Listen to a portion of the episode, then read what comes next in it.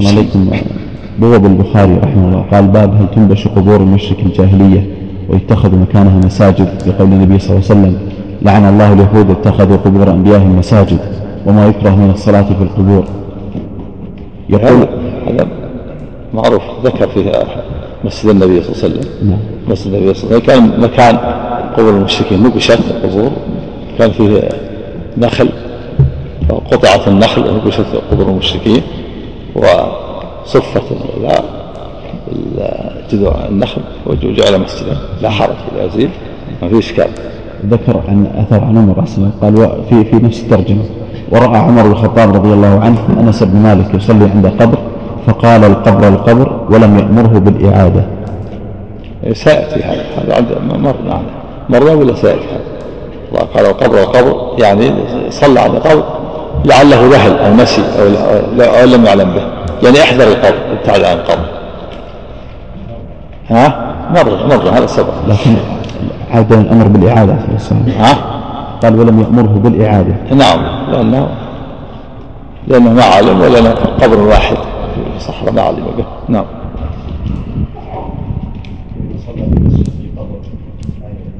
لا يعيد يعيد الصلاة. هذا في صحراء. يعني كان في صحراء. بسم الله الرحمن الرحيم. الحمد لله رب العالمين. صلى الله وسلم وبارك على نبينا محمد وعلى آله وصحبه أجمعين. قال الشيخ عبد الرحمن بن حسن رحمه الله تعالى قال المصنف رحمه الله تعالى ولأحمد بسند جيد عن ابن مسعود مرفوعا عن ابن مسعود رضي الله عنه مرفوعا إن من شرار الناس من تدركهم الساعة وهم أحياء. الله. نعم.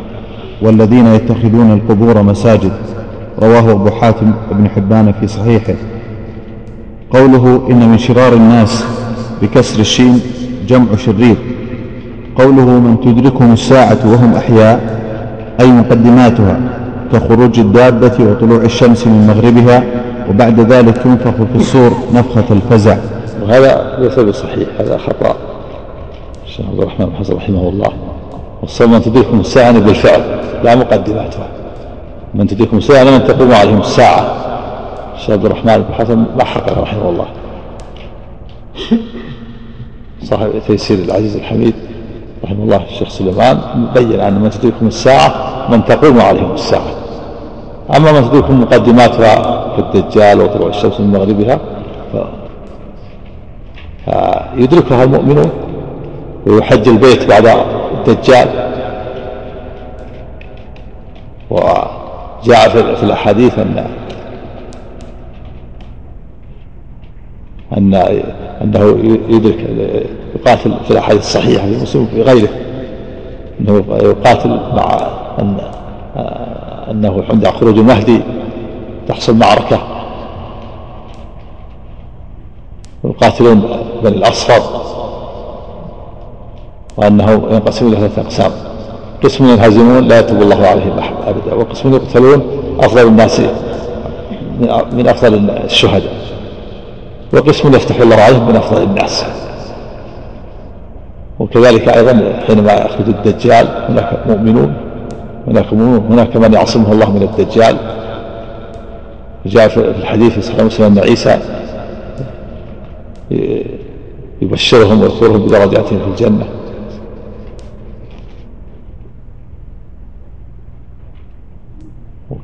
فهناك مؤمنون فلا يكون شرار الناس هناك أخيار هناك أخيار يدركون مقدمات الساعة يدركون الأهدي والدجال ويأجوج ومأجوج وحتى أشراط الساعة حتى أيضا طلوع الشمس المغربية ثم تنتهي طيبة تقبل أرواح المؤمنين والمؤمنات في خيار وفي أشرار. فالشيخ عبد الرحمن رحمه الله حق والصواب أن تدركهم الساعة يعني تقوم عليهم بالفعل. من تقوم عليهم بالفعل. الفعل الساعة لا تقوم إلا على الكفار بعد قبل أرواح المؤمنين والمؤمنات. شرار الناس هم الذين تقوم عليهم الساعة. والذين اتخذوا قبور مساجد جعلهم من شرار الناس لأن اتخاذ قبور المساجد وسيلة للشرك. الساعة لا تقوم إلا على المشركين على الكفرة. والذين اتخذوا المساجد هؤلاء فعلوا وسيلة قريبة إلى الشرك. فلهذا كانوا بشرى للناس. نعم. بشر الناس صنفان الكفر الذي تقوم عليه الساعة والصنف الثاني الذي يتخذ قبور المساجد لأنه وسيلة للشرك نعم. سمع لك يحمل الحديث لا تزال طائفة من أمتي على قبيل يعني نعم. حتى يأتي أمر الله. المراد بأمر الله الريح الطيبة. يتقوا الروح المؤمنات قوله والذين يتقوا من تدركهم الساعة نعم. قوله من تدركهم الساعة وهم أحياء أي مقدماتها كخروج الدابة وطلوع الشمس من مغربها وبعد ذلك الصواب أن من تقوم عليهم الساعة بالفعل كما كما بين ذلك الشيخ سليمان في تيسير العزيز الحميد والصواب من تدركهم من تقوم عليهم الساعة. من تقوم عليهم الساعة بالفعل. هم الكفرة نعم. اسمع لي قال قوله والذين يتخذون القبور مساجد. معطوف على خبر إن في في محل نصب على نية تكرار العامل أي ومن شرار الناس الذين يتخذون القبور مساجد. أي بالصلاة عندها وإليها وبناء المساجد عليها. لأن هذا وسيلة للشرك. نعم. وتقدم في الأحاديث الصحيحة أن هذا من عمل اليهود والنصارى. وأن النبي صلى الله عليه وسلم لعنهم على ذلك تحذيرا للأمة أن يفعلوا مع نبيهم وصالحيهم فعل اليهود والنصارى. فما رفع أكثرهم بذلك رأسا بل اعتقدوا أن هذا الأمر قربة إلى الله وهو مما يبعدهم عن الله ويطردهم عن رحمته ومغفرته. نعم والرسول صلى الله عليه وسلم حينما لعن اليهود وقال لعن الله اليهود والنصارى اتخذوا قبور أنبيائهم وصالحهم مساجد. قصد التحذير تحذير هذه الأمة. ألا تفعل مثل فعلهم فيحل بهم ما حل بهم نعم. ولهذا قال بعضها ألا فلا تتخذوا قبور مساجد فإني أنهاكم عن ذلك. نعم. والعجب أن أكثر من يدعي العلم ممن هو من هذه الأمة لا ينكرون ذلك بل ربما استحسنوه ورغبوا في فعله فلقد اشتدت غربة الإسلام. بسبب الجهل وتلبيس آه، علماء الشرك عليهم وأهل الشرك عليهم. صاروا لا ينكرون هذا الشيء صار أمر عادي. بل إنهم يظنون أن هذا قربة إلى الله. وأن هذا محبة للصالحين وقربة إلى الله. يدعونهم من دون الله ويذبحون لهم ويذرون لهم يفعلون الشرك ويظن هذا قربة إلى الله. بسبب غلبة الجهل والتباس. الأمر. أعظم أمر بعث الله به نبيه توحيد الله وإخلاص الدين له والنهي عن الشرك. ومع ذلك التبس هذا الأمر على كثير من الناس. وصاروا يتدينون بالشرك. يتقربون إلى الله عز وجل. نعوذ بالله. يتقربون إلى الله بالشرك. نعم. هذا أعظم التباس. نعم. فلقد اشتدت غربة الإسلام وعاد المعروف منكرا والمنكر معروفا والسنة بدعة والبدعة سنة. نشأ على هذا الصغير وهرم أو هرم عليه الكبير. لا حول ولا قوة قال شيخ الإسلام رحمه الله أما بناء المساجد على القبور فقد صرح عامة الطوائف بالنهي عنه متابعة للأحاديث الصحيحة وصرح أصحابنا وغيرهم من أصحاب مالك والشافعي بتحريمه. قال ولا ريب في القطع بتحريمه. ثم ذكر الأحاديث في ذلك إلى أن قال وهذه المساجد المبنية على قبور الأنبياء والصالحين أو الملوك وغيرهم تتعين إزالتها بهدم أو بغيره هذا مما لا أعلم فيه خلافا بين العلماء المعروفين. نعم واجب هدم المساجد التي على القبور إذا كانت بنيت عليه فإن كان القبور دفنت بها فتنبش القبور. الحكم السابق إن كان القبر هو الأول وبني عليه المسجد يهدم المسجد. لأن هذا مسجد بني على الشرك على على على القبر. والقبور ليس والمساجد المقابر ليست محل للصلاة. فإن كان المسجد هو الذي بني أولا ثم دفن فيه القبر ينبش القبر. ينبش ويوضع في مكان آخر في المقبرة. نعم. وقال ابن القيم رحمه الله تعالى يجب هدم القباب التي بنيت على القبور لأنها أسست على معصية الرسول صلى الله عليه وسلم. نعم. لأنها وسيلة إذا رآها آه، الجهال رأوا القباب عليها والرياحين والزهور. والبويات والتجسيس هذا صار دعوة لهم للشرك تعظيمها نعم. واجب أن تهدم القباب وتكون القبور ضاحية ليس عليها شيء. كقبور الصحابة رضي الله عنهم. ولا تجسس القبور ولا يكتب عليها ولا يجعل عليها زهور ولا رايحين كل هذا من وسائل الشرك. نعم. الصلاة في المسجد اللي في قبر ما تصح. لا تصح نعم ولو كان يعيد الصلاة. نعم. اسمعني وقد أفتى جماعة من الشافعية بهدم ما في القرافة من الأبنية. منهم ابن الجميزي. القرافة بلدة في مصر. وقد أفتى إيش؟ اسمعني وقد أفتى جماعة من الشافعية بهدم ما في القرافة من الأبنية. قرافة. قال نعم. شو القرافة؟ قال مقبرة أهل مصر؟ قال أحسن في الحاشية. إيه. مقبرة أهل مصر بها أبنية وسوق قائمة منسوبة إلى قرافة بطن من المعافر نزلوها فسميت بهم. معجم البلدان يقول الحمو القرف مشدد شكل. الراء نعم. شوف القاموس نعم. هم يسمونها الآن قرافة. ها؟ تخفيف هذا مش ينظر أصله يحتمل أصلا. يحتمل فيها الوجه. نعم. وقد أفتى جماعة من الشافعية بهدم ما في القرافة أو القرافة من الأبنية منهم ابن الجميزي والظهير التزمنتي وغيرهما. قال قال القاضي ابن كج ولا ها؟ قال في رواية. أبو ظهير الظهير الترميني الشافعية معامل الشافعية. قال أحسن لك بنسخة. الترميني تحريف وهو ظهير. جماعة من الشافعية.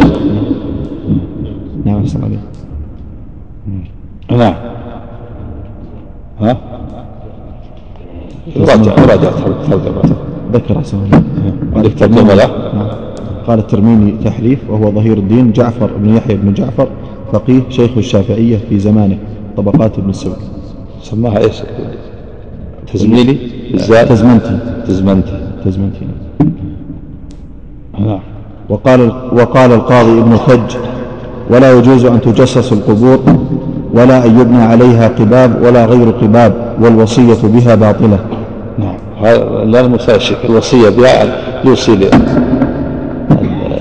بشيء من المال على المقبرة.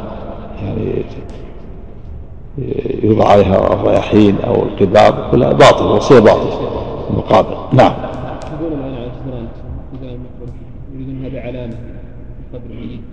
لا ما ما ما كتاب. لا ترك أولى لكن يجعل علامة على القبر لا بأس. علامة بدون كتابة حتى يعرف القبر لا بأس. نعم. وقال الأذرعي وأما بطلان الوصية ببناء القبور وأما بطلان الوصية ببناء القباب وغيرها من الأبنية وإنفاق الأموال الكثيرة فلا ريب في تحريمه نعم. يعني يوصي الميت بشيء من ماله على مقبرة الفلانية يضع عليها قباب وبناء وتجصص هذه وصية باطلة. تصرف في جهة في جهة البر. الوقت باطل لكن آه، الجهة باطلة. ينقل إلى جهة بر أخرى نعم.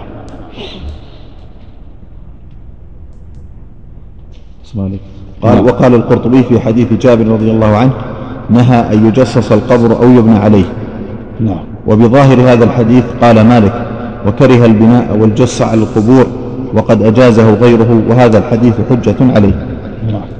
وقال ابن رشد لأن نهى والنهي التحريم نهى الجس القبور فمن أجاز فالحديث حجة عليه. نعم. وقال ابن رشد كره مالك البناء على القبور وجعل وجعل البلاطة المكتوبة وهو من بدع أهل الطول. أحدثه أحدثوه إرادة الفخر والمباهاة والسمعة. قال ابن رشد. وقال ابن رشد كره مالك البناء على القبور على القبر. كره كره التحريم كره يعني حر نعم. نتكلم عن نعم. نعم. قال كره مالك البناء على القبور وجعل البلاطة المكتوبة وهو من بدع أهل القول أحدثوه إرادة الفخر والمباهاة والسمعة. هذا القول على الغنى والساعة. من بدع الأغنياء والمترفين. نعم. الآن أقسم إليك بعضهم صار ما يحطون يحطون رخام رخام عند رأس الميت علامة بعضهم يجيب رخامة قطع الرخام الكبيرة يضعها علامة لا بأس يجعل علامة لكن يكون شيء ما يكون رخام شيء يلفت النظر. علامة مثل أي شيء علامة لا لا ما يكتب. لا. الكتاب جاء النهي عن الكتابة. النهي عن الكتابة نهى عن الكتابة على القبر والجلوس عليه وتجسيسه كل هذا منهي عنه. يوضع حجر أو خشبة نعم أي شيء يكون علامة بدون كتابة نعم. قال وهو مما لا اختلاف فيه. وقال الزيلعي في شرح الكنز ويكره أن يبنى على القبر. وذكر قاضي خان أنه لا يجسس القبر ولا يبنى عليه لما روي عن النبي صلى الله عليه وسلم أنه نهى عن التجسيس والبناء فوق القبر. والمراد بالكراهة عند الحنفية كراهة التحريم. هذا هو عند عند القدامى من العلماء وهي في الكتاب والسنة هكذا. بعد ما ذكر الله سبحانه وتعالى الكبائر العظيمة ذكر الشرك وذكر القتل والزنا تقصف المكيال والميزان قال كل ذلك كان سيئا عند ربك مكروها يعني محرما. الكراهة في الكتاب والسنة وفي عرف السلف كراهة التحريم. في إن الله كره لكم قيل وقال وإضاعة السؤال ووعد البنات ومنع الوهات هذه محرم. كره يعني حرم. نعم. قد تطلق الكراهة على كراهة التنزيه عند المتأخرين وتطلق قليلا. قوله عليه الصلاة كان يكره النوم قبلها والحديث بعدها. العشاء صلاة العشاء. كراهة التنزيه. نعم. قال والمراد بالكراهة عند الحنفية كراهة التحريم وقد ذكر ذلك ابن نجيم في شرح الكنز. وقال الشافعي رحمه الله أكره أن يعظم أن يعظم مخلوق حتى يجعل قبره مسجدا مخافة الفتنة عليه وعلى من بعده من الناس. يعني أكره أن يحرم. كراهة التحريم. قال الشافعي أكره. قال وقال الشافعي رحمه الله أكره أن يعظم مخلوق حتى يجعل قبره مسجدا مخافة الفتنة عليه وعلى من بعده وعلى من بعده من الناس. وكلام الشافعي رحمه رحمه الله يبين أن مراده بالكراهة كراهة التحريم. قال الشارح وجزم النووي رحمه الله في شرح المهذب بتحريم البناء مطلقا وذكر في شرح مسلم نحوه أيضا. وقال أبو محمد عبد الله بن أحمد بن قدامة إمام الحنابلة صاحب المصنفات الكبار كالمغني والكافي ولا يجوز اتخاذ المساجد على القبور لأن النبي صلى الله عليه وسلم قال لعن الله اليهود والنصارى الحديث وقد روينا أن ابتداء عبادة الأصنام وقد روينا. أحسن عليك وقد بشكل مشددة. ها؟ مشددة كذا روينا. كذا. كذا أحسن عليك نعم. والأقرب روينا يمكن له رواية أخرى وإن لم تكن الرواية متصلة. نعم وقد روينا نعم. ما ترد أحسن الله. ما ترد أحسن الله. التحديث وقد روينا ما قليل هذا. روينا تأتي روينا بس ما ما في هذا المقام. نعم. وقد روينا أن ابتداء عبادة الأصنام تعظيم الأموات واتخاذ واتخاذ صورهم. والتمسح بها والصلاة عندها انتهى. وقال شيخ الإسلام رحمه الله وقد روينا إيش؟ أحسن عليك. أن ابتداء وقد روينا أن ابتداء عبادة الأصنام تعظيم الأموات واتخاذ صورهم والتمسح بها والصلاة عندها. أن ابتداء عبادة الأصنام إيش؟ أحسن عليك. وقد روينا أن ابتداء عبادة الأصنام تعظيم الأموات واتخاذ صورهم. نعم مثل ما جاء ابن عباس البخاري في أن ود والسواع ويغوث كان اسمه رجال صالحين من قوم الوحي فلما ماتوا أوحى الشيطان إلى نصفوا في التي كانوا يعبدون فيها أنصابا. ففعلوا ولم تبع حتى إذا هلك أولئك ونسي العلم عبدت قال ابن القيم عكفوا على قبورهم ثم عبدوا غلوا في قبورهم ثم عكفوا على قبورهم ثم عبدوا ثم عبدوا. هم غلوا أولا وصوروا التماثيل ثم عكفوا على القبور ثم عبدوا. التماثيل والصور والعكوف على القبور من وسائل الشرك. نعم. قال وقد روينا أن ابتداء عبادة الأصنام تعظيم الأموات واتخاذ صورهم والتمسح بها والصلاة عندها انتهى. وقال شيخ الإسلام رحمه الله وأما المقبرة فلا فرق فيها بين الجديدة والعتيقة ومن انقلبت تربتها أو لم تنقلب. كل لا تجوز الصلاة فيها مطلقا. خلافا لما ذكر بعض الفقهاء المتأخرين. يقول أن الصلاة لا يصلى في المقبرة من من أجل من أجل أن يكون فيها نجاسة أو صديد. هذا باطل. الصواب المنع لأجل نجاسة الشرك. لأن المدي ما فيها نجاسة. لو كان نجاسة تكون أسفل. والأنبياء أيضا أبدانهم طاهرة وإنما النهي نجاسة الشرك. النجاسة المعنوية نعم. قال ولا فرق بين أن يكون بينه ولا فرق بين أن يكون بينه وبين الأرض حائل أو لا لعموم الاسم وعموم العلة. ولأن النبي صلى الله عليه وسلم لعن الذين اتخذوا قبور الأنبياء مساجد ومعلوم أن قبور الأنبياء لا تنجس.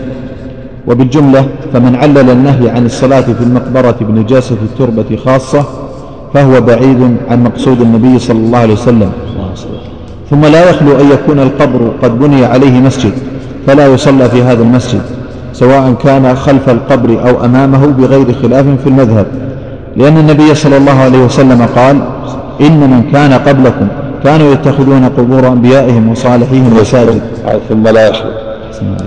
ثم لا يخلو أن يكون القبر قد بني عليه مسجد فلا يصلى في هذا المسجد. سواء. سواء صلى أمام القبر أو خلف القبر ما دام داخل سور المسجد. نعم. سواء كان خلف القبر أو أمامه بغير خلاف في المذهب. نعم. ها؟ قال في نسخة. في نسخة سواء صلى أو سواء إيش؟ سواء كان اللي أثبته. وقال في نسخة في نسختين صلى سواء صلى. أحسن التصريح هذا أحسن سواء صلى نعم في خارج المسجد له باب في المسجد ها؟ موازي المحراب وله باب من المسجد يعتبر من المسجد. إذا كان خارج آه، سور المسجد ما هو من المسجد. له باب على المسجد؟ لا ينبغي سد هذا. ولا ينبغي يجعل في المحراب. هذا غلط. هذا غلط منه. ينبغي أن ينبش ينبش القبر ويضع مع القبور هذا. ها؟ موجود في المسجد هكذا. في المسجد داخل المسجد؟ المحراب والباب من جنب يدخلون. في المحراب نفسه؟ معناه نفسه داخل يعاد الصلاة. والله ينبغي أن يغلق يغلق الباب. وينبغي أن يكون هناك جدار آخر أيضا. لأن إذا صلى إلى جدار المقبرة فيها فيها كلام لأهل لكن إذا كان بينه وبين جدار بين جدار المقبرة جدار آخر يكون أحسن. هذا ما بينه وبينه جدار وعليه عليه باب. ينبغي أن يحجر هذا المقصود ولا يصلى فيه.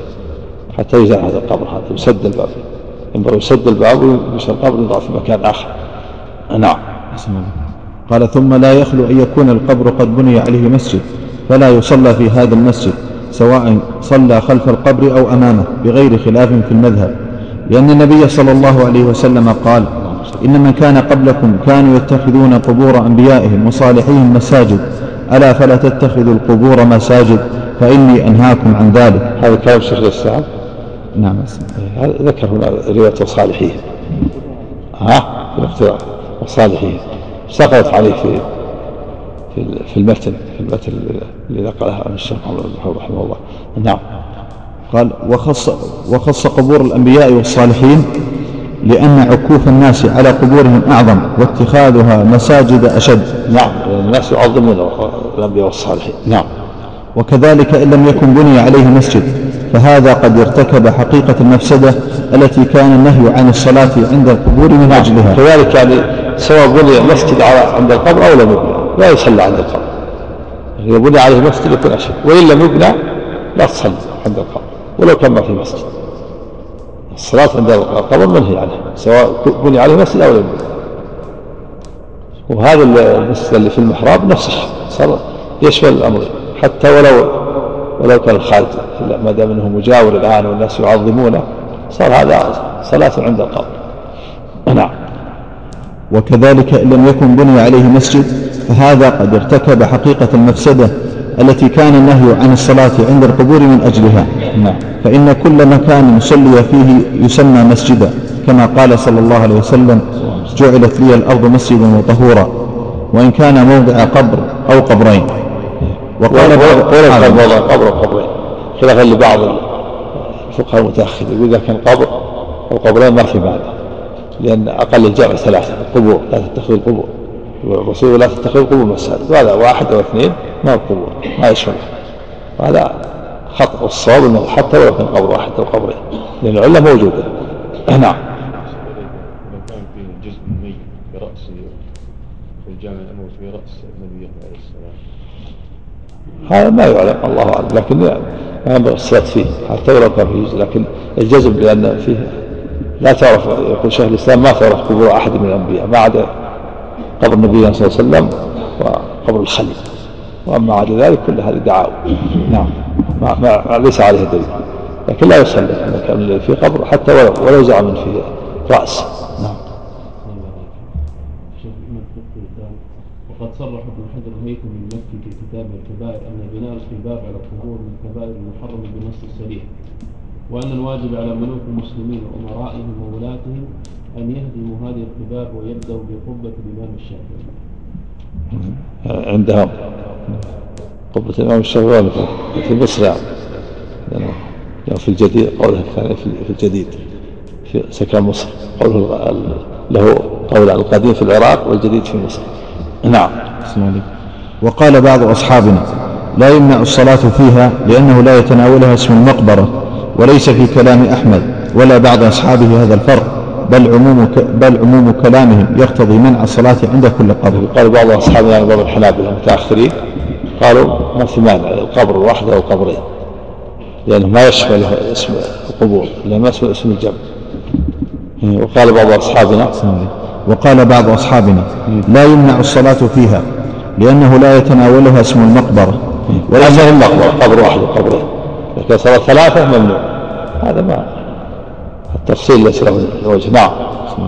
وليس في كلام أحمد ولا بعض أصحابه في هذا الفرق بل عموم كلامهم يقتضي منع الصلاة عند كل قبر.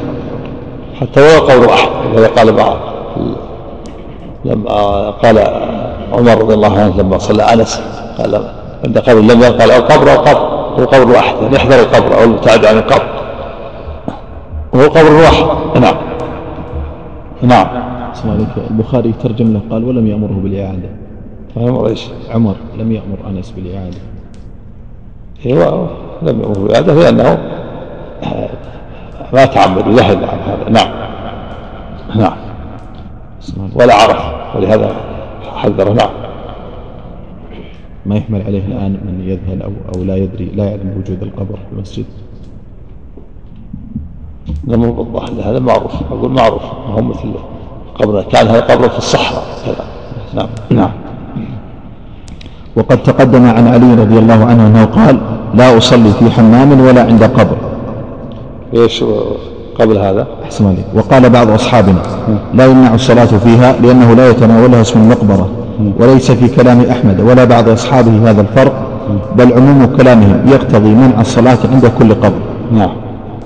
وقد تقدم عن علي رضي الله عنه أنه قال لا أصلي في حمام ولا عند قبر.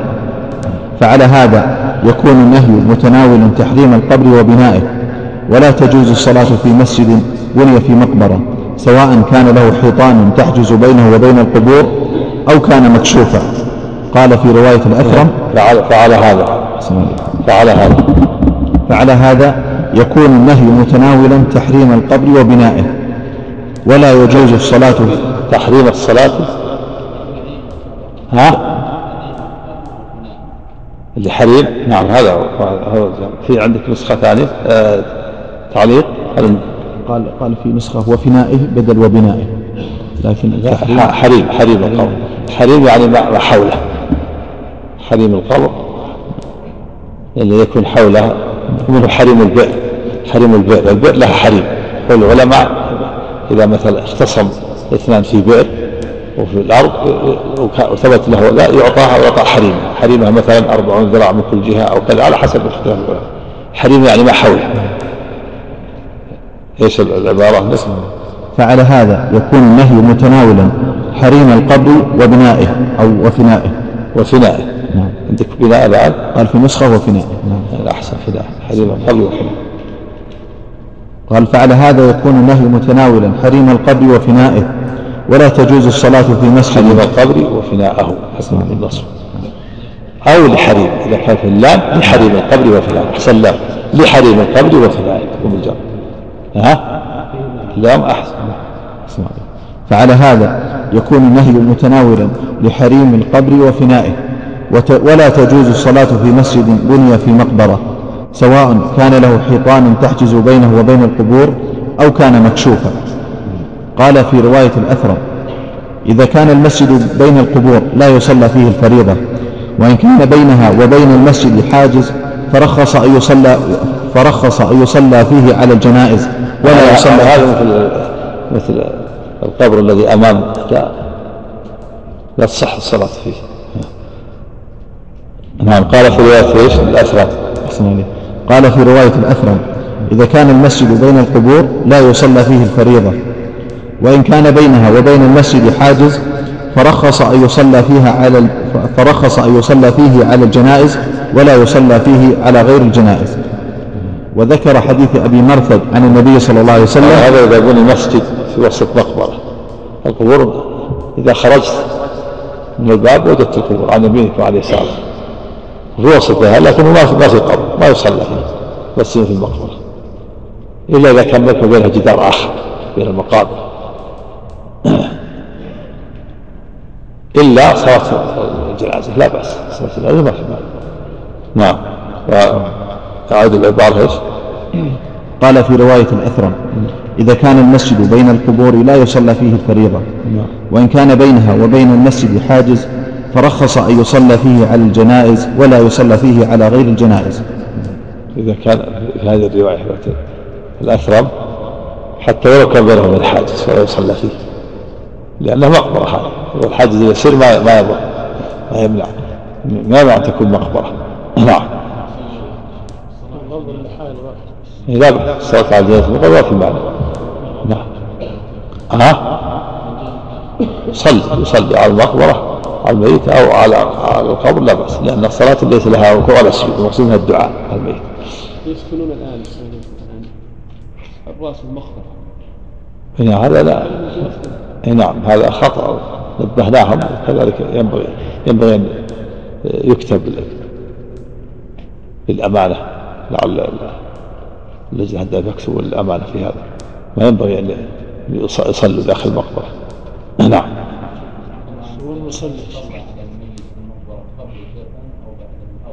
هل- الأمر في هذا واسع إن كان وضع صلى عليه وإن دفنوه صلى على القبر. الأمر في هذا واسع كل واحد نعم. نعم. نعم.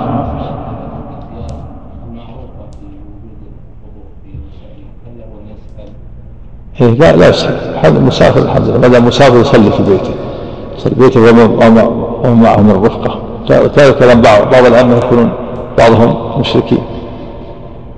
بعض الأئمة يكون عندهم شركيات. إذا أشكال يصلي يصلي في ومن معه في, بيته والحمد لله. ها؟ لا يسأل إذا أحب أن يصلي في مسجد في وإمامه معروف من أهل السنة ليس من أهل البدع وليس من أهل الشرك. وليس فيه مسجد وليس فيه قبر. نعم. أيها الأحبة في الله نتبقى من مادة هذا الشريط تتابعونها في الشريط التالي. مع تحيات إخوانكم في تسجيلات الراية الإسلامية بالرياض والسلام عليكم ورحمة الله وبركاته. لا يسأل إذا أحب أن يصلي في مسجد في وإمامه معروف من أهل السنة ليس من أهل البدع وليس من أهل الشرك. أي وليس فيه مسجد وليس فيه قبر. حسن نعم. وإن أشكل عليه الأمر يصلي في بيته الحمد لله. نعم؟ لا تصح. الصلاة الفريضة ما تصح. ما صح إلا صلاة الجنازة. نعم. باطلة لأن النبي لعن. لعن. هذا واللعن يقصد التحريم. ونهى. لعن الله اليهود والنصارى اتخذوا قبورا من المساجد قال لا فلا تتخذوا قبور المساجد فإني أنهاكم عن ذلك. وأنه يقتضي الفساد. أنه يقتضي الفساد. تكون الصلاة باطلة. نعم. ها؟ كيف؟ لأنها لأن الصلاة ليس لها ركوع ولا سجود. صلاة المقصود منها الدعاء دعاء الميت. نعم. فعل النبي صلى الله عليه وسلم؟ نعم. لا نافلة ولا فريضة ما تصح الصلاة مطلقا من وسائل الشرك. لعن الله اليهود والنصارى اتخذوا قبور أنبياء مساجد ثم قال ألا فلا تتخذوا قبور مساجد ثم قال فإني أنهاكم عن ذلك. مرات اللعن. ثم آه، نهى بلا النهي بأداة النهي. ثم صرح بالفعل فقال فإني أنهاكم عن ذلك. ولعن وهو في السياق. والسوق تراح والروح تساق. في آخر في آخر حياته شدة الأمر عليه الصلاة والسلام. قبل أن يموت بخمس أيضا لعن ثم لعنه في السياق في سياق الموت. السلام عليكم. فعل النبي صلى الله عليه وسلم صلاة على المرأة التي كانت تقوم المسجد. ما يعد دليل؟ نعم. هذا قال دلني على قبرها ثم صلى عليها. الصلاة على المقبرة الصلاة على الميت. لا لا لا مانع منها لأن إلى شهر من دفنه. له أن يصلي إلى شهر من دفنه لأن أكثر الموارد عن أنه صلى شهر صلى أيضا على غير المرأة. صلى إلى إلى شهر من دفنه نعم. لأن صلاة الجنازة المقصود منها الدعاء. ليس لها فيها ركوع ولا سجود. نعم. أحسن عليكم وذكر حديث أبي مرثد عن النبي صلى الله عليه وسلم لا تصلوا إلى القبور. وقال إسناده جيد. وذكر يعني في رواية الأثرم ذكر الإمام محمد نعم نعم ما زال السياق. إيه وذكر. قال وذكر حديث أبي مرثد عن النبي صلى الله عليه وسلم لا تصلوا إلى القبور وقال إسناده جيد. نعم. انتهى كلامه. مرثد الغنوي نعم. في مسلم ها؟ المعروف إنه في مسلم يعرف إنه في مسلم قول شيخ الاسلام إسناده جيد. اسناده جيد يمكن غاب عنه في حين الكتابة. قد تعليق تعليق في مسلم. نعم ما ذكر. نعم. لا تجلسوا القبور ولا تصلوا إليها. حديث مرثد الغنم نعم في مسلم لا تجلسوا القبور ولا تصلوا إليها. نعم انتهى. انتهى صلى نعم. قال ولو تتبعنا كلام العلماء في ذلك لاحتمل عدة أوراق فتبين بهذا أن العلماء رحمهم الله بينوا أن علة النهي ما يؤدي إليه ذلك من الغلو فيها وعبادتها من دون الله كما هو الواقع. والله المستعان. نعم العلة نجاسة الشرك ليست النجاسة الحسية النجاسة المعنوية. إيه فتبين فتبين. أحسن عليك. قال فتبين بهذا. فتبين بهذا أن العلماء رحمهم الله بينوا أن علة النهي ما يؤدي إليه ذلك من الغلو فيها وعبادتها من دون الله كما هو الواقع والله المستعان. وقد حدث بعد الأئمة ومن يعتد بقولهم أناس كثر في أبواب العلم بالله اضطرابهم وغلظ في أن معرفة ما بعث الله به رسوله صلى الله عليه وسلم من الهدي والعلم حجابهم فقيدوا نصوص الكتاب والسنة بقيود أوهنت بقيود أوهنت الانقياد وغيروا بها ما قصده الرسول صلى الله عليه وسلم بالنهي وأراد. إيش هذا كلام من؟ قال لعل الشارع ها؟ الشارع الشارع نعم. إيش؟ وقد حدث؟ وقد حدث بعد الأئمة ومن يعتد بقولهم.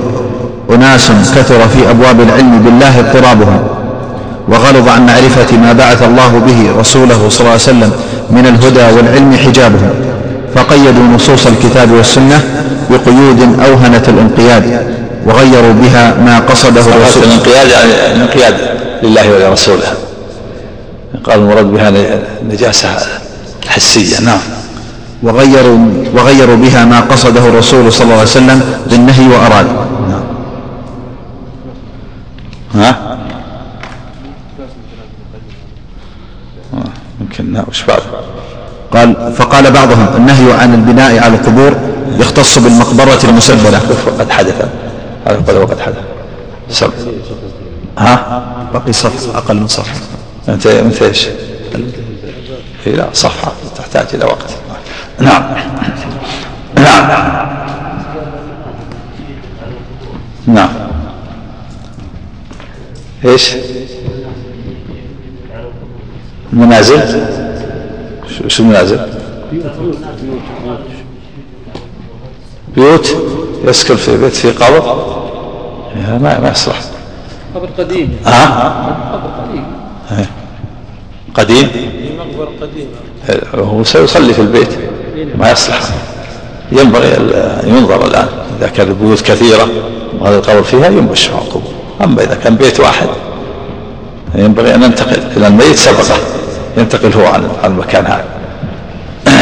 ولا ينبغي ما ينبغي إبقاء القبر في البيت. ينظر كان أصبح حي أصبح حارة أحياء. وعنده في بيت قبر ينبشر قبر القبور. بعد مراجعة العلماء في في البلد. أما إذا كان بيت واحد ينتقل عن البيت. يترك القبر. نعم. عليك هذا سائل يقول هل كتابة الأرقام على جدار المقبرة تعتبر من الكتابة على القبور كما هو المشاهد الآن؟ والله يخشى. لأن الرقم قد يسمى كتاب يخشى. تركه أولى نعم. نعم. في المسجد قال حديث عائشة رضي الله عنها لما صلي على بعض الصحابة وأنكر بعض الصحابة قالت ما أسرع ما نسي الناس. ما صلي عن ما صلى النبي على سهيل بن بيضاء إلا في المسجد. وهذا في صحيح مسلم. نعم. نعم. يعيد الصلاة. نعم يعيد. لا يكون يرتفع عنه الإثم ولكن الإعادة باقية يعيد. بس ما يعتم لأنه لم يعلم لكن عليه الإعادة. نعم. نعم. لو كان إذا كان مدة طويلة طول عودة يستقبل أما إذا كانت صلوات معدودة يقضيها. نعم. بسم الله. رجل جنب الحوش حقه والجريد حق المقبرة قديمة. إيه. فزالها ويعني مدد الم- حوش المنزل أو سور المنزل. لي- ليس له يزيلها الأموات سبقوا. الأموات سبقوا. نعم ما في شك. ما يجوز له إزالة القبور.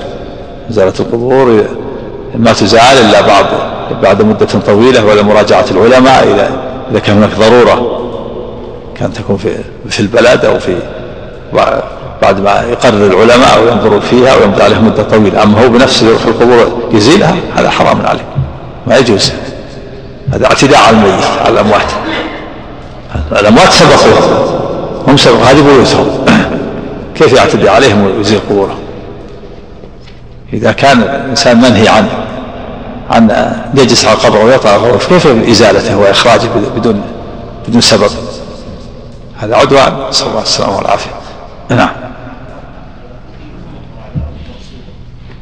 إيه. نعم. الإثم على من غصب. الإثم على الغاصب نعم نعم. نعم. لا هذا هذا متروك يرجع هذا إذا كان إذا كانت يعني احتجت الطريق أو في البلد ومضى عليه مدة طويلة هذا هذا متروك لنظر العلماء. نعم. بسم الله الرحمن الرحيم. الحمد لله رب العالمين.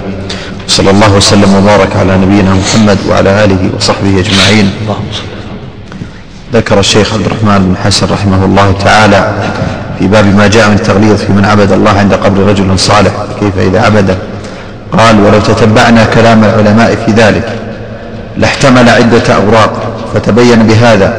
يعني في النهي عن الوقوف على القبور وعن والنهي عن الصلاة عندها وأن الصلاة وأن العلة النهي إنما هو النجاسة المعنوية وهي نجاسة الشرك وأنه من وسائل الشرك. وليس المراد النجاسة الحسية كما ذهب إلى هذا بعض المتأخرين من الحنابلة وغيرهم في منتهى والإقناع يقول إن النجاسة نجاسة حسية. وهذا ليس بصحيح. يقول الميت قد يكون فيه صديد. فلهذا عن الصلاة فيه لأن الأرض نجسة. لأن الميت قد يكون فيه صديد. وجاب بأن الميت جديد ما فيه صديد. والأنبياء أجسادهم طرية. وكذلك أيضا قولهم النهي عن الصلاة في القبور في المقبرة إذا كانت ثلاث قبور فأكثر لأن هذا أقل الجمع أما إذا كان قبر أو قبرين فلا فلا حرج. هذا غلط. والصواب أنه ينهى حتى عند القبر الواحد. لما جاء أن عمر رضي الله عنه رأى أنس يصلي عند قبر قال القبر القبر كأنه ذهل عنه ونسي ولم يعلم فقال القبر القبر وقبر واحد نعم. قال ولو تتبعنا كلام العلماء في ذلك لاحتمل عدة أوراق فتبين بهذا أن العلماء رحمهم الله بينوا أن علة النهي ما يؤدي إليه ذلك من الغلو فيها وعبادتها من دون الله كما هو الواقع والله المستعان. نعم يعني العلة النجاسة المعنوية أنها وسيلة للشرك. نعم. وقد حدث بعد الأئمة ومن يعتد بقولهم أناس كثير في أبواب العلم في أبواب وقد حدث بعد الأئمة ومن يعتد بقولهم. أناس كثر في أبواب العلم بالله اضطرابهم. وغلظ عن معرفة إيش؟ كثر كثر. لا كثر اضطرابهم. نعم. نعم. قال وقد وقد حدث بعد الأئمة ومن يعتد بقولهم. أناس كثر في أبواب العلم بالله اضطرابهم. وغلظ عن معرفة ما بعث الله به رسوله من الهدى والعلم حجابهم فقيدوا نصوص الكتاب والسنة بقيود أوهنت الانقياد وغيروا بها ما قصده الرسول. قيود قيود يعني من ذلك قولهم إن النجاسة النجاسة الحسية. أوهنت الانقياد يعني أضعفت الانقياد لله ولرسوله. قيدوها بقيود اوهنت الانقياد قيدوها بقيود أو اوهنت يعني أضعفت انقياد الإنسان واستجابة لأمر الله ورسوله. نعم. قال فقيدوا نصوص الكتاب والسنة بقيود أوهنت الانقياد وغيروا بها ما قصده الرسول صلى الله عليه وسلم بالنهي وأراد. نعم. أوهنت يعني أضعفت. نعم. فقال بعضهم النهي عن البناء على القبور يختص بالمقبرة المسبلة. والنهي عن الصلاة فيها لتنجسها بصديد الأموات وهذا كله وهذا كله باطل لوجوه. نعم. يختص بالمقبرة المسبلة أما إذا كانت مقبرة, مقبرة غير مسبلة كان يكون الإنسان مدفون في البيت أو كذا فلا يختص أنها واحد أو, أو قبور ما هي مسبلة ما ينهى عنها لأن الصلاة في المقبرة وهذه ما تسمى مقبرة هذا من جهلهم إذا القبر في أي مكان ولو كانت القبر مسبلة. ثم قوله إن النهي النجاسة الحسية هذا باطل. فإنه النجاسة المعنوية. نعم. قال وهذا كله باطل لوجوه منها أنه من القول على الله بلا علم وهو حرام بنص الكتاب. ومنها فالقول بأنه النجاسة الحسية يعني.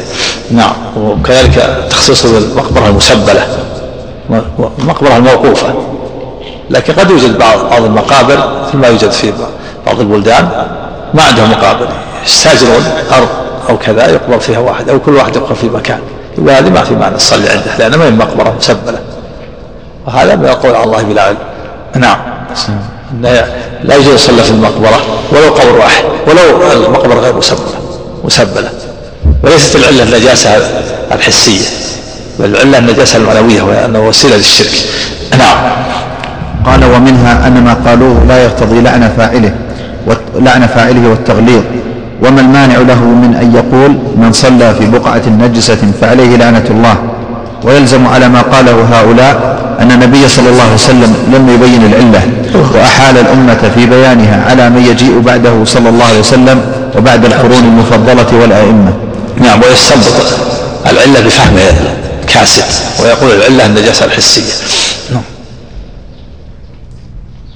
وهذا باطل قطعا عقلا وشرعا لما يلزم عليه من أن الرسول صلى الله عليه وسلم عجز عن البيان أو قصر في البلاغ وهذا من أبطل الباطل. فإن النبي صلى الله عليه وسلم بلغ البلاغ المبين وقدرته في البيان فوق قدرة كل أحد. فإذا بطل اللازم بطل الملزوم ويقال أيضا إذا بطل اللازم بطل الملزوم ما هو اللازم؟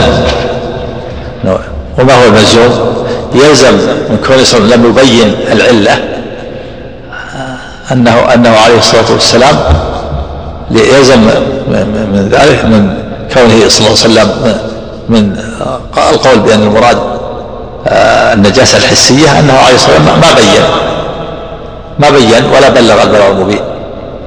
وهذا يلزم عليه الطعن في النبوة والرسالة. وهذا لازم باطل.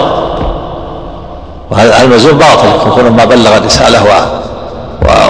ولم يبين ولم ينصح الأمة هذا باطل. فيبطل اللازم وهو كون العلة يستنبطها الناس بأفهامهم وآرائهم.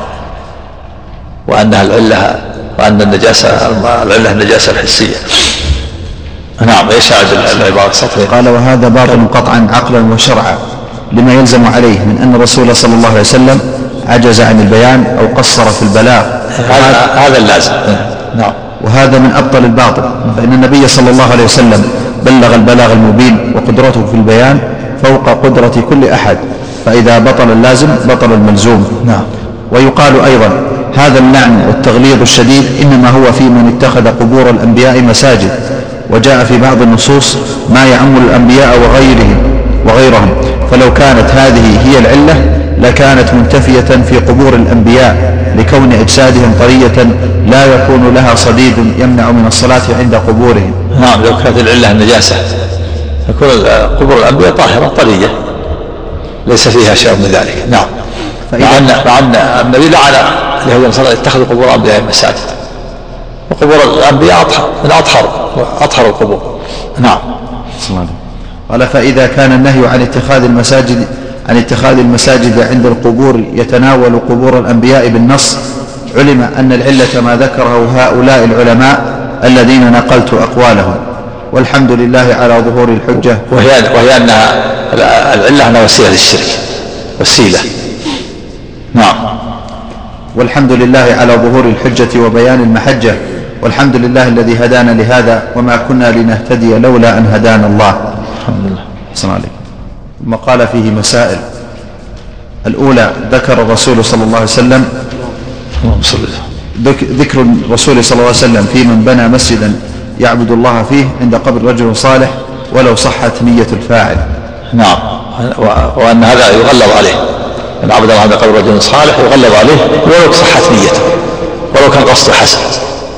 لأن هذا العمل وسيلة. وسيلة للشرك. ولا ما تنتهي الوسيلة بحسن نية الفاعل نعم. قال الثانية النهي عن التماثيل وغلظ الأمر في ذلك. لأنها وسيلة للشرك. ولو لم تعبد فالتماثيل وسيلة للشرك. وهنا يتبين أن كسر التماثيل اللي في أفغانستان واجب لأنها من وسائل الشرك. وما يفعله بعض الناس وما يقوله بعض الناس أو يدعي بعض الناس من أنها منها من هذا أمر حضاري كذا هذه هذا إنما يتكلم بلسان الكفرة. الكفرة هم الذين يريدون أن يذوبوا هذا الشيء ويجعلها أمر حضاري وهذه من العولمة ناتج من العولمة. هذه عولمة ودمج المسلمين في غيرهم. يسمى أمر حضاري حتى يلغى الشرك ولا يتكلم في الشرك. فالتماثيل يجب تكسيرها ويجب طمسها إذا كانت في, الأوراق. ولهذا بعث النبي صلى الله عليه وسلم عليا ألا يدع تمثال إلا طمسه فالتماثيل وسيلة للشرك ولو تعبد فلا تبقى بل تكسر وتزال. نعم. نعم. العاب تبال الاطفال ها؟ العاب تبال الاطفال عشان التماثيل ما ما ينبغي. ما ينبغي أن تجعل التماثيل ألعاب. نعم. قال الثالثة العبرة في مبالغته صلى الله عليه وسلم في ذلك كيف بين لهم هذا أولا ثم قبل موته بخمس قال ما قال؟ إيش؟ الحكمة. قال العبرة في مبالغته صلى الله عليه وسلم في ذلك. كيف بين لهم هذا أولا ثم قبل موته بخمس قال ما قال؟ ثم لما كان في السياق لم يكتفي بما تقدم بما تقدم نهيه عن فعله عند قبره قبل أن يوجد القبر. هذا من مبالغته عليه الصلاة والسلام. بالغ في هذا الأمر. نهى عن اتخاذ القبور مساجد. في حياته. ثم قبل أن يموت بخمس نهى عن ذلك. ثم لما كان في السياق في نزع الموت وروحه تساق لعن لعن من فعل ذلك. مما يدل على اهتمام النبي صلى الله عليه وسلم بهذا الأمر لأنه وسيلة قريبة للشرك. اتخاذ القبور مساجد وسيلة قريبة للشرك. فلهذا نهى عنه صلى في حياته ونهى عنه في قبل أن يموت بخمس ونهى عنه وهو في سياق الموت. كل ذلك من المبالغة التحذير من وسائل الشرك وذرائع الموصله إليه. نعم. قال الرابعة نهيه عن نعم. صلى الإنسان في المسجد في قبر وهو لا يعرف هذا القبر يعيد الصلاة. إي نعم. يعيد الصلاة. يكون معذور لا إثم عليه. أما إذا علم يكون صلاته باطلة وياثم أيضا لمخالفه النبي. نعم. أحسن الله قال الرابعة نهيه عن فعله عند قبره قبل أن يوجد القبر. نعم. وهذا من علامة النبوة. نعم. الخامسة أنه من سنن اليهود والنصارى في قبور أنبيائهم. من سننهم اتخاذ القبور مساجد. فلا وهذه الأمة منهية عن مشابهة اليهود والنصارى. نعم. السادسة لعنه إياهم على ذلك. نعم. واللعن هو الطرد والبعض رحمة الله. وهذا مبالغة في التحذير والمراد تحذير هذه الأمة.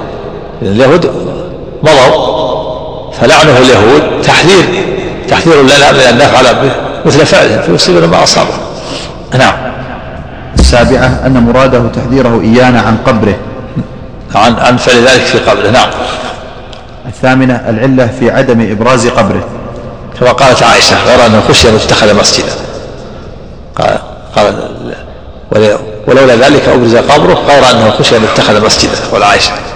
نعم. وهذا الاجتهاد مخالف صلى الله عليك نعم الاجتهاد سبق أن أنها هذا وأنه جاء في الحديث أن كل نبي يدفن في المكان الذي مات فيه. في عائشة يعني فهمت هذا نعم. قال التاسعة في معنى اتخاذها مسجدا. الصلاة عندها. الصلاة عندها اتخذ لها مسجد. ولو لم يكن مسجد. نعم. قال العاشرة أنه قرن بين من اتخذها وبين من تقوم عليه الساعة فذكر الذريعة إلى الشرك قبل وقوعه مع خاتمته. نعم. الذريعة إلى الشرك تغول المساجد وخاتمته الشرك. قارن بين الشرك بين الوسيلة والغاية. الغاية الشرك والوسيلة تغول المساجد فقارن بينهما في اللعن وجعل كل منه من شرار الناس. قال عليه الصلاة والسلام إن من شرار الناس من تدركهم الساعة وهم أحياء. هذا الغاية لأنهم كفرة والذين يتخذون المساجد هذه الوسيلة. فقرب بين الوسيلة والغاية بين الخاتمة وبين الوسيلة. الخاتمة الكفر والوسيلة اتخاذ المساجد. نسأل الله السلامة والعافية. نعم. الحادية عشرة.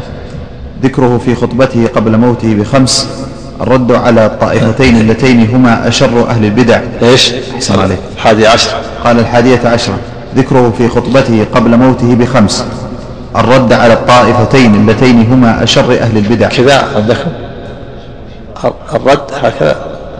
نعم صحيح هذه مسألة ولا مسألتان مسألة واحدة. ها؟ مسألة واحدة. إيه.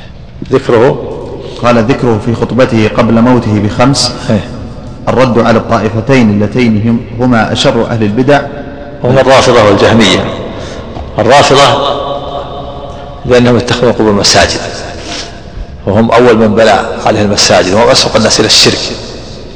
والجهمية في سبهم للصديق وعمر وتنقصهم لهما وزعمهم أن عليا أحق بالخلافة. في قوله عليه الصلاة والسلام لو كنت متخذا من أمتي خليلا لاتخذت أبا بكر خليلا ألا أن صاحبكم خليل الله. فالجهمية تنكر الخلة والمحبة وينكرون فضل أبي بكر والنبي قال لو كنت متخذا لاتخذت أبا بكر خليلا. ويقدمون علينا عليه فهذا في رد عليه ورد على الرافضة في اتخاذهم القبور مساجد نعم. قال أحسن عليك. ذكره في خطبته قبل موته بخمس الرد على الطائفتين اللتين هما أشر أهل البدع بل أخرجهم بعض أهل العلم من الثنتين والسبعين من الثنتين والسبعين فرقة وهم الرافضة والجهمية وبسبب الرافضة حدث الشرك وعبادة القبور وهم أول من بنى عليها المساجد. نعم. أخرجهم أبو العلم من الثنتين والسبعين فرقة في قوله ستفترق هذه الأمة على ثلاث وسبعين فرقة كلها في النار إلا واحدة. واحدة في الجنة وثلاث وسبعين في النار. وهذا من باب الوعيد وهو مبتدعة وهو كفرة مبتدعة 72 متوعدون بالوعيد ليس لمخالفتهم ما كان عليه النبي وأصحابه. أما الجهمية خرجوا من 72 كفرة الجهمية خرجوا لكفرهم وضلالهم حيث سلبوا عن الله أسماءه وصفاته فوصفوه بالعدم. والرافضة كذلك خرجوا من 72 فرقه لأنهم كفروا الصحابة وفسقوهم فكذبوا الله في تزكيتهم وتعديلهم وكذبوا الله في في حفظه للقرآن في قول إنا نحن الذكر وإنا حافظون وقالوا إن القرآن غير محفوظ كما أنه عبدوا آل البيت وكذلك القدرية الغلاة أخرجهم بعض العلماء من 72 فرقة الذين أنكروا علم الله وكتابة الأشياء لأنهم نسبوا الله للجهل. فهؤلاء خرجوا من الفرق. المبتدعة من فرق الأمة. نعم. عليك الأولى من قال يخرجون من ثنتين والثالثة ناجية. 73 ناجية. كلها في النار إلا واحدة. واحدة ناجية وثنتين متوعد الثنتان والسبعون متوعدا متوعدون بالنار. كما يتوعد آكل مال اليتيم بالنار وكما يتوعد القاتل بالنار متوعد بالنار. وهم مبتدعة نعم. أولى من أن يقال خرجوا من الثلاث وسبعين فرقة. لا. كيف؟ من كان على مثل ما أنا عليه اليوم وأصحابي هذا هؤلاء أهل السنة والجماعة. أهل السنة والجماعة. السنة والجماعة خرجوا إذا أخر 73 فرقة فرقة أهل السنة والجماعة. كم يبقى؟ 72 خرجوا من المبتدعة وصلوا إلى الكفر. يعني تجاوز المبتدعة إلى الكفر. أما أهل السنة فهم على الحق. ليسوا أهل البدعة وهم من أهل البدع. نعم المراد اسمه لك إخراجهم من الفرق المسلمين عموما بما فيهم أهل السنة. لا ورد إخراجهم من البدع. لأنهم تجاوز حتى البدع خرجوا منه. تجاوز من البدع إلى الكفر. نعم. ظاهر كلام العلماء أنهم أنهم مبتدعة مو كفرة نعم قال الثانية عشرة ما بلي به صلى الله عليه وسلم من شدة النزع. نعم كما جاء في الحديث أنه أنه يوعك كما يوعك رجلان سأله. بعض الصحابة عبد الله بن مسعود قال قال أجل يوعك كما يوعك رجلان قال أذلك لأن لأن لك الأجر مرتين؟ قال نعم. ليعلم الله الأجر عليه الصلاة والسلام. له الأجر مرتين ولتقتدي به أمته عليه الصلاة والسلام. الصبر تحمل نعم. قال الثالثة عشرة ما أكرم به من الخلة. نعم. وهي, وهي نهاية المحبة وكمالها. فهو شارك إبراهيم الخليل في الخلة فهما الخليلان إبراهيم ومحمد عليهم الصلاة والسلام. نعم. الرابعة عشرة التصريح بأنها أعلى من المحبة. نعم لأنها نهايتها وكمالها نعم الخامسة عشرة. لأن الرسول صرح أنها أنه لا لا لا يتسع قلبه لخلة أحد لأنه امتلأ بخلة الله. ولو كان فيه متسع لكان لأبي بكر. أما المحبة يتسع القلب لأكثر من محبوب. كما صرح بأنه يحب أبا بكر ويحب عائشة ويحب أسامة وزيد بن حارثة وجماعة. نعم. اسم عليك الخامسة عشرة التصريح بأن الصديق رضي الله عنه أفضل الصحابة. نعم. وقوله لا لاتخذت أبا بكر خليلا. نعم. السادسة عشرة الإشارة إلى خلافته. نعم. لأن لأنها المحبة تقتضي تقتضي تقديمه وتفضيله. ويريد هذا تقديمه في الصلاة. تقديم النبي صلى الله عليه وسلم في الصلاة. يصلي بالناس في مرض موته. نعم. باب ما جاء أن الغلو في قبور الصالحين يصيرها وكان. ها؟ في, في, إيش؟ إيه. أمة محمد عليه الصلاة والسلام. نعم أمة أمة, أمة الإجابة. أمة الإجابة. نعم. هذا هو الظاهر. نعم. نعم. ها؟ الأصل إيش؟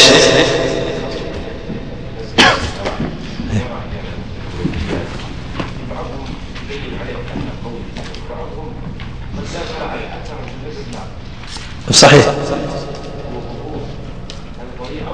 ولهذا قالت عائشة رضي الله عنها معنى كلامها ما غلطت أحدا على على سهولة الموت. بعدما رأيت رسول الله صلى الله عليه وسلم من شدة النزع الذي أصابه. بعض الناس قد يخفف عليه. قد قد بعضهم قد يكون عليه عنده شدة نعم. إيه. طمس الوجه. نعم إذا أزلت الوجه والرأس خلاص. لأن الصورة تطلق على الوجه وتطلق على على البدن كله. كما قال الإمام أحمد الصورة الوجه. فإذا أزلت الرأس والوجه طمست ولا يبقى في شيء خلاص زال المحذور. ولا بقي الجسم. ها؟ الرأس والوجه. إذا لم يبقى له أثر لا بأس. إذا كان في قرطاس أو في ورق ولا يكفي وضع الخط على الحرف مثل ما بعض الناس يضع خط لا ما يكفي.